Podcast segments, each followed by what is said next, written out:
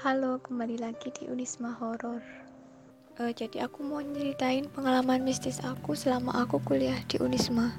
Jadi aku salah satu mahasiswi di FEB. Sebenarnya sih aku sering ngalamin hal-hal mistis, tapi sih aku cuek aja. Karena takut sih. Singkat cerita ya, kan depan FEB dulu ada pohon gitu.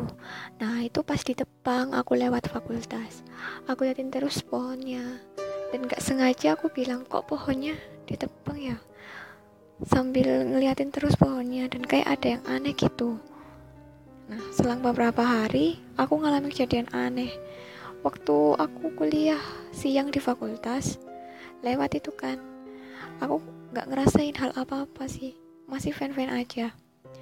Pas malamnya tiba-tiba kakiku sakit dan berat banget gitu buat jalan aku sih mikirnya mungkin kecapean kali ya. Soalnya kan yang ngurusin organisasi juga. Ya udah aku biasa aja sih. Tapi besoknya itu tetap aja sakit dan berat gitu. Tiap mau tidur selalu nggak nyenyak.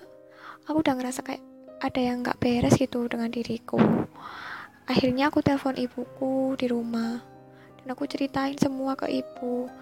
Terus ibu pergi ke, ke ustadz gitu di daerahku nanyain kenapa kakiku kok bisa sakit dan kayak ngerasa berat gitu. Dan katanya ternyata kakiku kakiku itu dipegangin genderuwo. Jadi selama beberapa hari ini genderuwonya itu ngikutin terus. Mulai dari aku yang kuliah siang sampai ngikutin aku terus. Pas ibu udah dari pak ustadz ibu telepon lagi ke aku. Aku disuruh baca doa-doa akhirnya besoknya itu kakiku udah nggak sakit dan berat. Emang sih katanya kata teman-teman aku di situ emang ada genderuwonya. Uh, beberapa orang bilang ada yang diliatin di lantai tiga fakultas. Sekilas ada yang diliatin gitu. Itu aja sih pengalaman aku.